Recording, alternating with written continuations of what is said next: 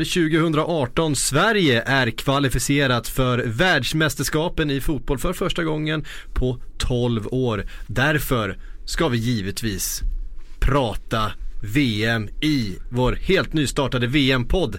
Eh, ni som trodde att ni var på Sillepodden, vi har ju lagt den här VM-podden där ni normalt sett hittar Sillepodden för att det ska bli extra lätt att hitta hit och vi tänker att ja, ni är nog intresserade ändå. Sådana är vi. Eh, idag har jag Kalle Karlsson och Frida Fagerlund med mig den så kallade Premier League-podduppställningen. Eh, vi ska prata om Grupp A, visst är det så? Mm. Ja du säger det så att vi får börja i den änden. Det passar väl rätt bra då att, att första avsnittet då handlar om Grupp A. Vi ska säga det att eh, under VM-podden kommer det dyka upp eh, genomgångar av alla grupper. Eh, vi kommer ha spaningar från Simon Bank och Johanna Frändén i en helt egen podd. Det kommer komma direktrapporter när VM väl närmar sig och drar igång så kommer vi få direktrapporter från arenorna, från träningslägren. Ehm, och vi kommer också förstås att lägga Sillypodden där den ska vara, nämligen på den här kanalen. Eh, så även om den heter VM-podden just nu så kommer Sillypodden dyka upp, var så säkra lite längre framöver. Men nu är det Grupp A som gäller och VM i Ryssland.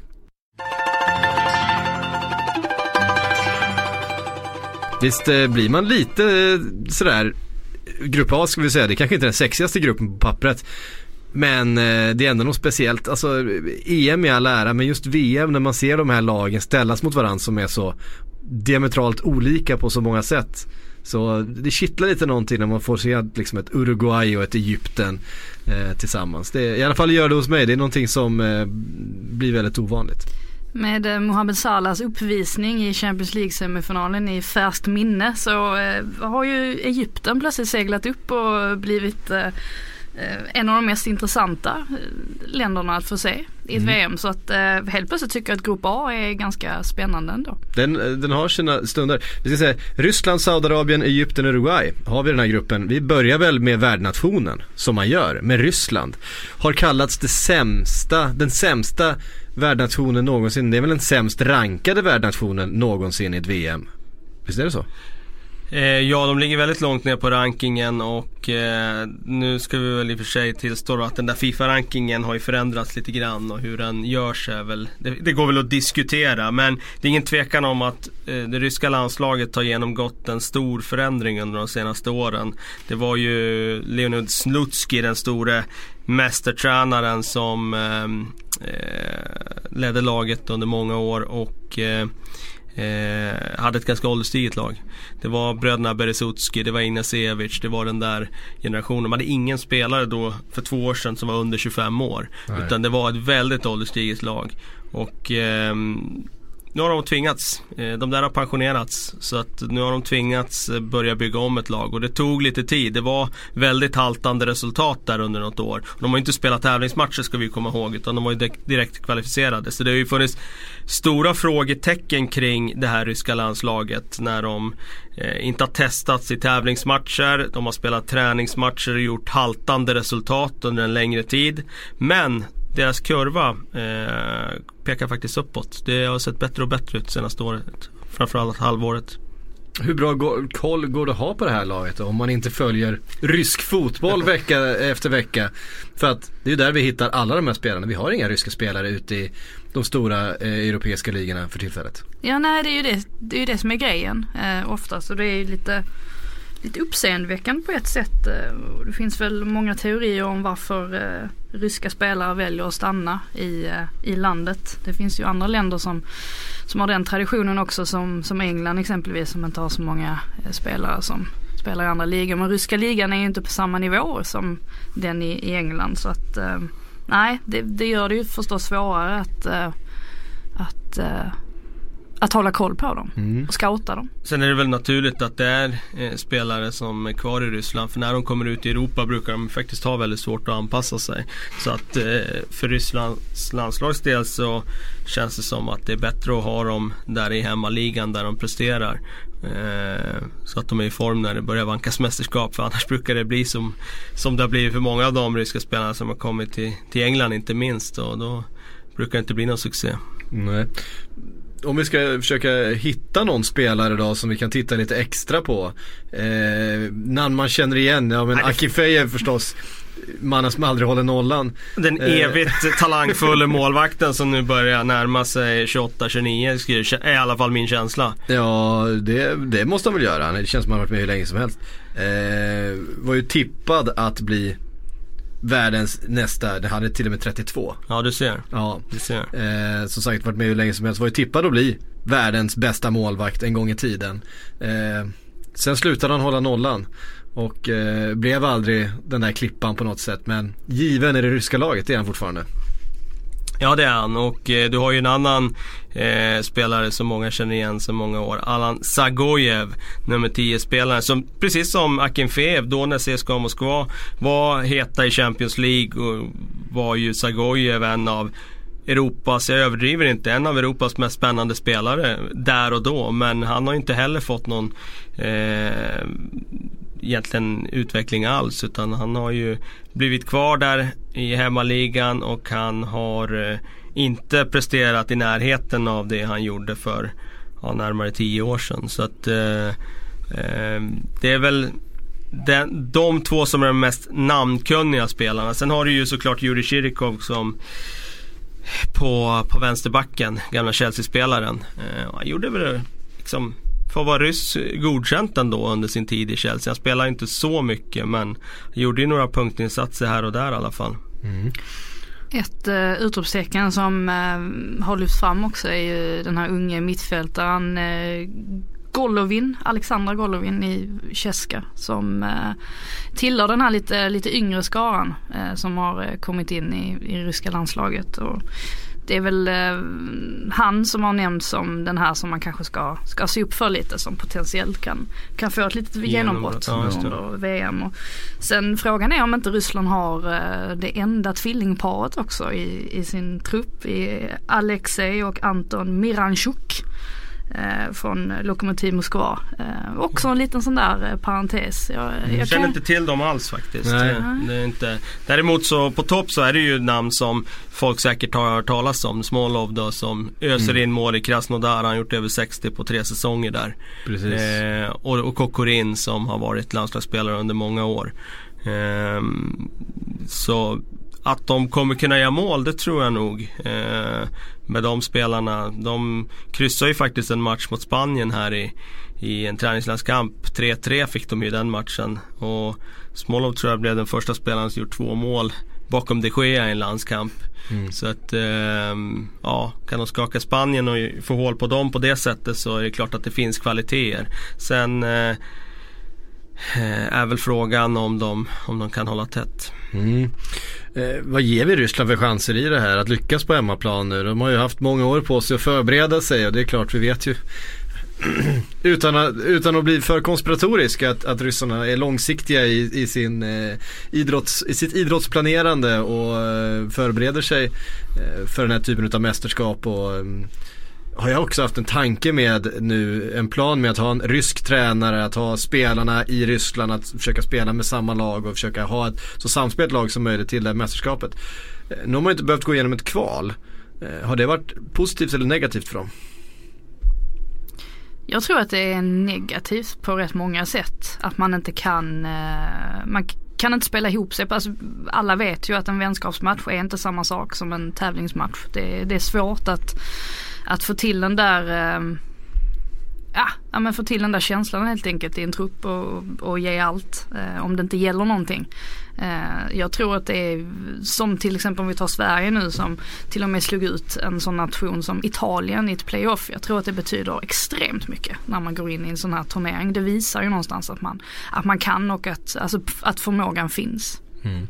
Men det gör, det gör det ännu svårare för oss att hålla koll på dem. För att trä, träningsmatcher är en sak och tävlingsmatcher en annan. Jag kollade faktiskt lite grann på deras match mot Argentina här som de spelar träningskamp för att få lite koll på vad det är för lag. För att eh, man ser inte det ryska landslaget så ofta annars. Nej. Utan det är väl tillbaka på VM 94 och Pontiac Silverdome när man såg dem senast. Det är nästan känslan.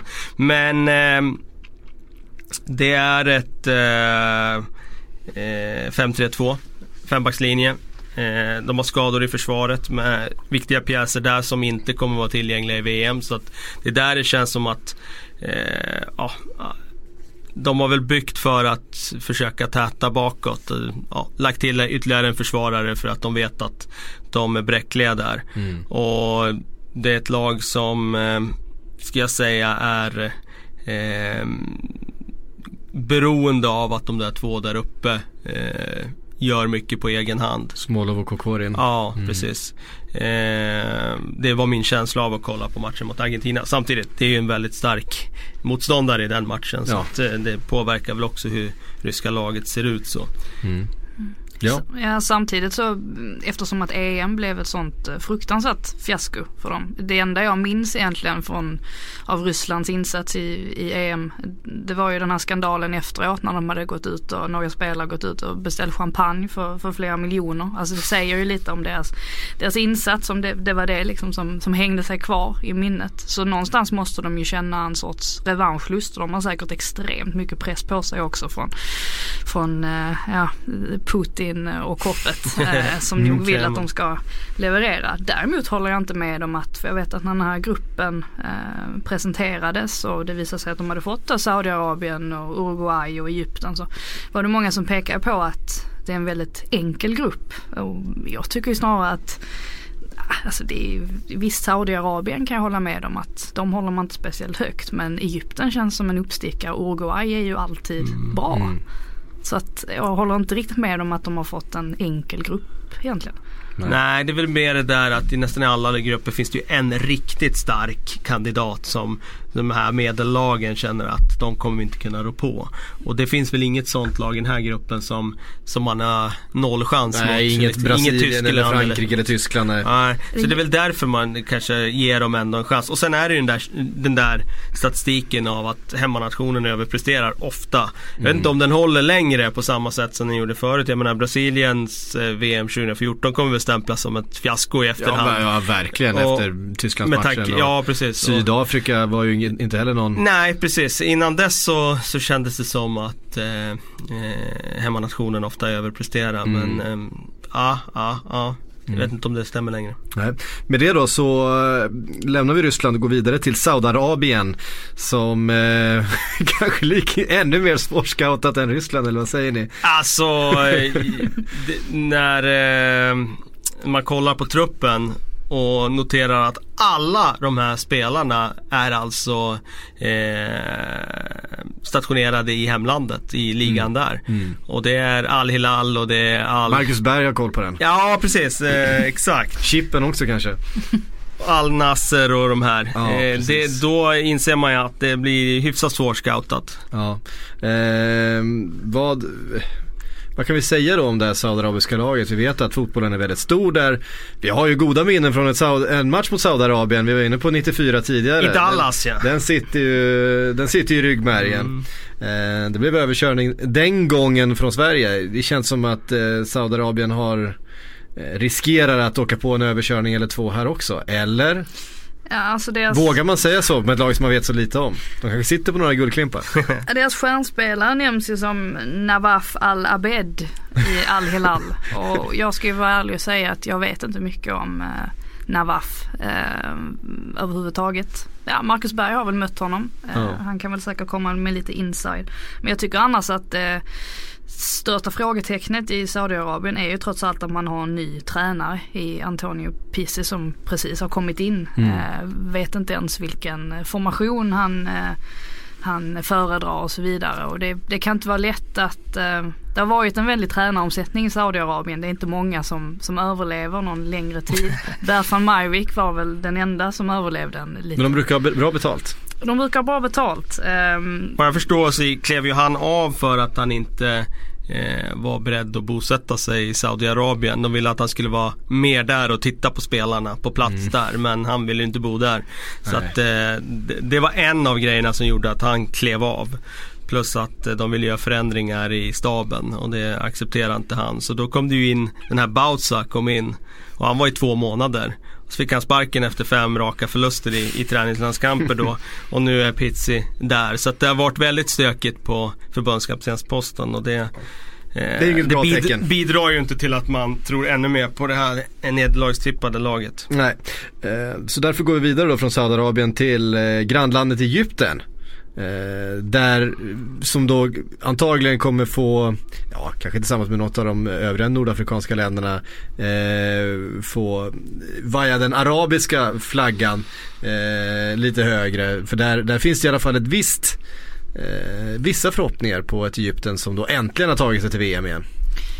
Ja, och det är ju svårt att inte, inte nämna eh, Mohamed Salah som eh, ju var den som egentligen fullbordade den där, eh, det där avancemanget eh, till VM. Och han är ju den stora stjärnan och med tanke på hur han har sett ut under våren så kommer ju kraven vara, vara skyhöga på honom. Nu får vi se om han får sällskap av sin långlivade landsman där, Mohamed El Neni som ju skadades nu eh, förra veckan, eller i helgen var det väl till och Arsenal med. mittfältare ja. Ja, eh, såg väl ganska illa ut. Mm. Eh, kan väl kanske komma att bli så att han missar VM Det vore ju väldigt tungt avbräck. Han är ju Verkligen. vi, viktig pjäs på centralt mittfält.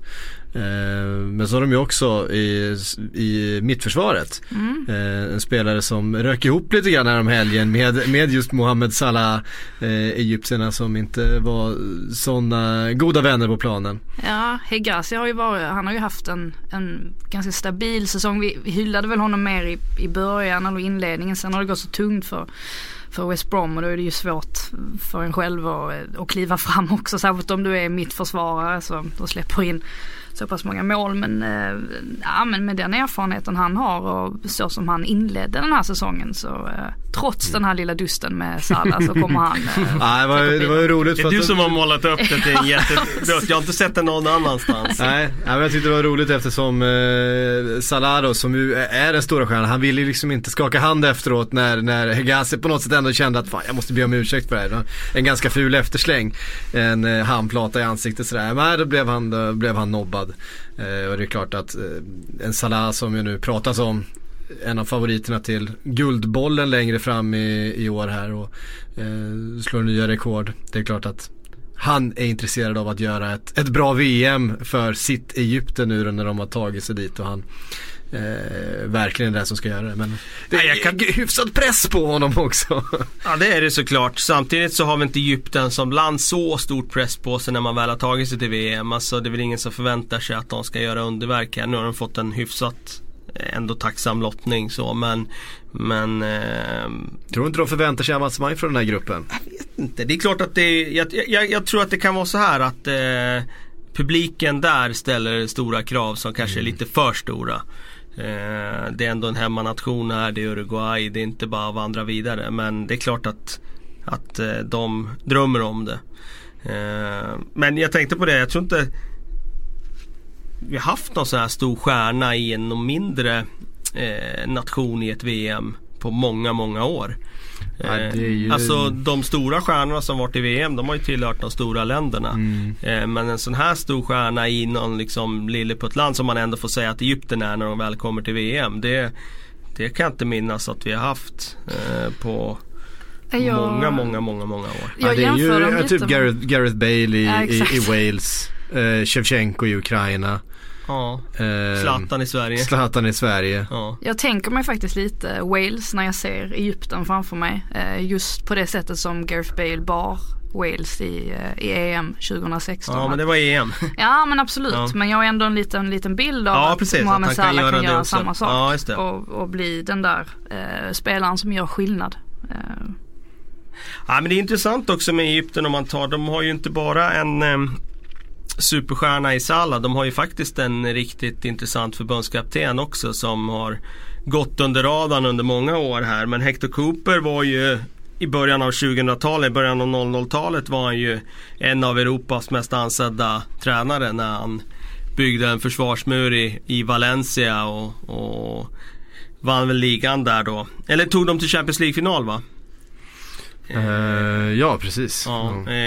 eh, och ehm, det är ju en erkänt otroligt duktig eh, tränare defensivt.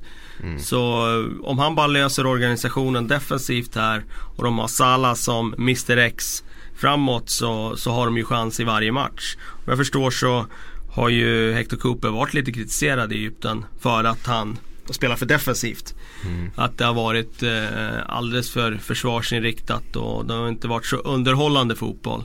Men eh, resultaten talar ju för sig. De tar sig till VM och det är väl det han kan falla tillbaka på och försvara sig med. Eh, vilket han har gjort. Och eh, jag tror inte det blir någon skillnad nu för det här är en eh, i första hand en defensiv tränare. Så att jag tror att det blir ett lag som sitter extremt lågt. Och sen ställer de om med, med, med Salah och Ramadan Sobi. Mm. Har vi, snabbhet. ja men precis, har vi pratat om, eh, om Trezeguet? Nej vi har inte pratat om honom än. Nej, de har en mittfältare som heter Trezeguet. Artistnamn va? Artistnamn Ja, ja, det, han heter bara Trezeguet. Mahmoud Hassan heter han på riktigt. Jaha okej, var, jag har noterat att eh, Trezeguet har dykt upp där. Det är en ganska ung kille va? Ja men precis, utlånad från Anderlecht till Kasimpasa, Andreas Isakssons gamla, Ja, gamla klubb. Eh, han ska vi se upp för. Ready to pop the question? The jewelers at BlueNile.com have got sparkle down to a science with beautiful lab grown diamonds worthy of your most brilliant moments. Their lab grown diamonds are independently graded and guaranteed identical to natural diamonds, and they're ready to ship to your door. Go to BlueNile.com and use promo code LISTEN to get $50 off your purchase of $500 or more. That's code LISTEN at BlueNile.com for $50 off. BlueNile.com code LISTEN.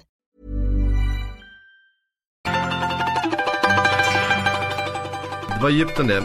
Jag ska säga att eh, VM-podden sponsras utav Hyundai som eh, kommer via eh, Sportbladets VM-quiz. På sajten kommer vi ha ett, ett VM-quiz som också kommer finnas på Facebook. Där kan man gå in och spela och tack vare Hyundai så kommer man alltså kunna vinna biljetter till Sverige och Sydkorea. Coolt va? Det finns ganska mycket biljetter faktiskt att vinna där. Så gå in, hitta quizet, eh, spela där, lös quizet så är man med och kan alltså vinna de här eh, matchbiljetterna. Exklusiva grejer. Det är inte illa. Innan vi lämnar Egypten måste jag ju bara skjuta in här att de har ju faktiskt en stor profil mellan stolparna. El Ja, Hadari som är Ja. 44 år och som eh, fortfarande vaktar målet där. Eh, med viss möda får man säga, han är inte Ja. lika bra längre. 44 som han är var. ju en ålder. Det är en viss eh, ålder i de här sammanhangen. visst är han äldst i hela Ja, ja. turneringen? Ja, med, med flera år skulle jag tro. Ja. Har vi någon annan över vara. 40? Nej det tror jag inte. Det kan jag inte tänka mig. Det skulle väl vara någon annan målvakt då troligtvis. Ja. Ja, det är om eh, Italien hade gått vidare och så hade det varit en Buffon då som då är 41 va? Han är 76 Buffon. Ja, Eller var 77 va? 42 då. Ehm, så redan man tycker att eh, Buffon är, 77 är, är är äldst, är i är världen 78 så, så? Jag har alltid... Ja, nu blir jag. Kämpa nu, Kalle. Ja det kan vara 78 också. Nej, nej för, han måste vara 77 för 40 har han ju fyllt. 78. Född januari Ja, 78. januari, just det, han fyllde 40 där precis ja. Så var det. Det var en parentes. Eh, men i alla fall kolla in. Jag vet inte varför jag får för mig att han är 76 för han var ju 17 när han hoppade in i Parma i första matchen där 95 och höll nollan mot Milan. Så att eh, jag måste få in det där i huvudet nu att han är Ja, född 78. precis. Det är ju bara, det är en lätt huvudräkning. Ja faktiskt. Eh, men som sagt, kolla in eh, quizet på sajten. Eh, tack Hyundai för eh, de biljetterna. Och så går vi vidare till eh, Uruguay. Där hittar vi ju några stjärnor. Där hittar vi ju några stora profiler. Om vi hade svårt att scouta eh, kanske de första lagen här så är Uruguay lite lättare. Eh, på något sätt i alla fall. Några av spelarna har vi ganska bra koll på. I alla fall framåt. Luis Suarez är ju svår att inte nämna Inte noter- i den, inte Och notera. inte notera att han är med i det här laget. Han Ah, lämnar ju avtryck.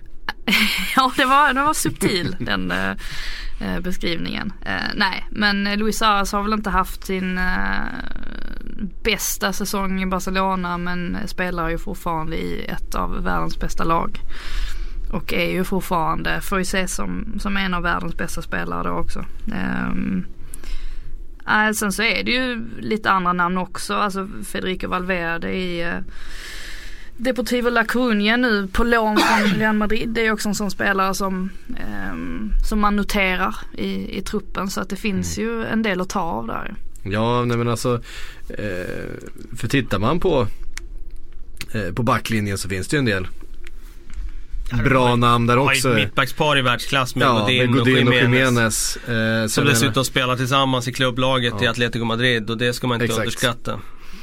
menar, eh, så att det är väl egentligen det centrala mittfältet som eh, brister lite i, eh, i kvalitet. Annars är det ju ett väldigt bra lag. Ja precis, om man tittar på det Tabares byggde upp med Uruguay tidigare så tog jag över alltså 2006. Han har ju varit väldigt länge på posten. Mm. Och då var det generationsväxling på gång och sen gjorde de ju succé i Sydafrika 2010 med en väldigt defensiv fotboll. Och fortsatte ju sen i Sydamerikanska mästerskapen med samma defensiva fotboll. Och det var ju det där sitta lågt med ett extremt bra försvar. Där Godin såklart var mm. centralfigur. Och eh, det har ju varit eh, alltså en, en, en, typ av eh, mentalitet där man inte viker ner sig. Det är det som har byggt det här, det här landslaget. Och sen lite offensiv spets, inte så lite inte heller. Så lite med, heller. med spelare som Suarez, Diego Forlan tidigare. Och Cavani. Och Cavani som vi inte ens har nämnt äh, ännu. han, Men, äh, han har haft en bättre säsong då om vi säger Mycket bättre Om man tycker Suarez. att Suarez har haft en, en för, med sina mått med ett väldigt svag säsong. Så har ju Cavani faktiskt fått ett lyft sen, sen Zlatan lämnade PSG. Verkligen. Och sen Neymar kom in då så har ju liksom, även om det har varit lite friktion dem emellan så har det ändå gett honom en, en lite ny roll i PSG och han har ju faktiskt öst in mål mm. i perioder den här säsongen. Så det man saknar då det är väl det där mittfältet som man hade tidigare med Walter Gargano mm. som var den där eh, bollvinnartypen och eh, elaka spelaren som, som också gjorde de andra bättre. Och de, det, har, de har gott om elaka spelare i Ja, de har tuff, tuffa lirare. Det är ingen tvekan om det. Det är ju en tradition där nere, alltså Uruguay, Argentina så här, Det är ju, det finns något gnarly över dem allihop. Ehm, mm. Sådär. Men, men om man skulle titta på det här mittfältet då, hur skulle man ställa upp det? Alltså de har ju generationsväxlat eh, rejält där och det var det jag tänkte komma in på. Mm. Att just nu är det ju Valverde som eh, kommer in då. Eh, det är Vecino som är Inter som är lite spelfördelare. Eller inte så lite heller, det är en jättebra passningsspelare. Han har ju gjort det bra i Serie A, det jag har sett. Eh, så att det, det, är ett annat typ av Uruguay nu för att förut var de bara det här defensiva bollvinnarlaget, liksom laget både i backlinjen och på mittfältet. Men nu har de fått in en ny generation, en yngre generation som har andra kvaliteter. Så man blir bättre på att hålla i bollen. Och de eh, blir bättre och kliver högre i sitt försvarsspel. Vilket såklart sätter backlinjen på prov också. För att eh, jag tror nog ändå att Godin och de här är bäst när de får stå lågt ner i eget straffområde. Så det blir intressant att se vilket typ av Uruguay vi får se nu i, i VM. Eh, om det blir ett Uruguay som för mer matcher än vad de gjort tidigare. Eller om det blir fortfarande samma typ av försvarsmur. Mm. Mm. Skönt för dem också. I höstas åkte de ju på två smällar där i, i vänskapsmatcherna mot, mot Polen och Österrike och då började ju lätt eh, ifrågasättas direkt eh, från, eh, ja, men från supporterhåll eh, eller Uruguay-håll i det här fallet. Men eh, så hade de ju ganska bekväma genrep nu med vinster mot Tjeckien och, och Wales. Eh, så det måste varit skönt att få den bekräftelsen också på att de fortfarande har det. Liksom. Ja. Lucas Torreira snackas det mycket om också från Sampdoria. Mm. Ung spelare. Inte sett honom själv så mycket men eh, sägs ju då att han ska ha gått väldigt starkt där. Och kan vara en spelare som kan få ett stort genombrott nu mm. i VM. Och så vet vi med det här Uruguay med de spelarna de har. Får de till det och, och, och träffar formen till det här mästerskapet och eh, får ihop den här gruppen så finns ju kvaliteten i laget för att, eh, för att gå riktigt långt. Jag menar det är ju, i, det är visserligen åtta år sedan nu. Men då var de ju framme i en semifinal. Ehm, så att ja, det finns fortfarande en stomme från det laget kvar i, eh, kanske inte en stomme men det finns i alla fall delar utav det laget kvar i det här. Eh, som, som ska bära det nu då. Ja framförallt är det väl aldrig fel när man har den här traditionen av att vara starka i VM-sammanhang. Eh, det är väl klart att det alltid kan kännas skönt att inte ha så mycket press på sig och komma som, mer som en underdog som Egypten gör i det här fallet eh, exempelvis. Men mm. samtidigt så tror jag inte man ska, man ska underskatta det där ändå att man, man känner att, att man kan och att man har gjort det, gjort det förut och ibland kan det vara bra med lite press också. Eh, mm. Tror jag. Jag tror att Egypten och Uruguay går vidare. Jag tror att eh, Egypten blir den här lilla, lilla skrällen ändå som man brukar se. Mm. Det vore häftigt i så fall. Mm. Ja. Eh, hörde ni, det var grupp A. om ett par dagar är vi tillbaka med Grupp B. Håll utkik efter det. Och kolla gärna in eh, Simon Bank och Johanna Frändéns spaningar senare i veckan här. De kommer vara 5 plus, det kan jag eh, garantera. Hör nu på återseende, eller på återhörande ska jag säga. Hej!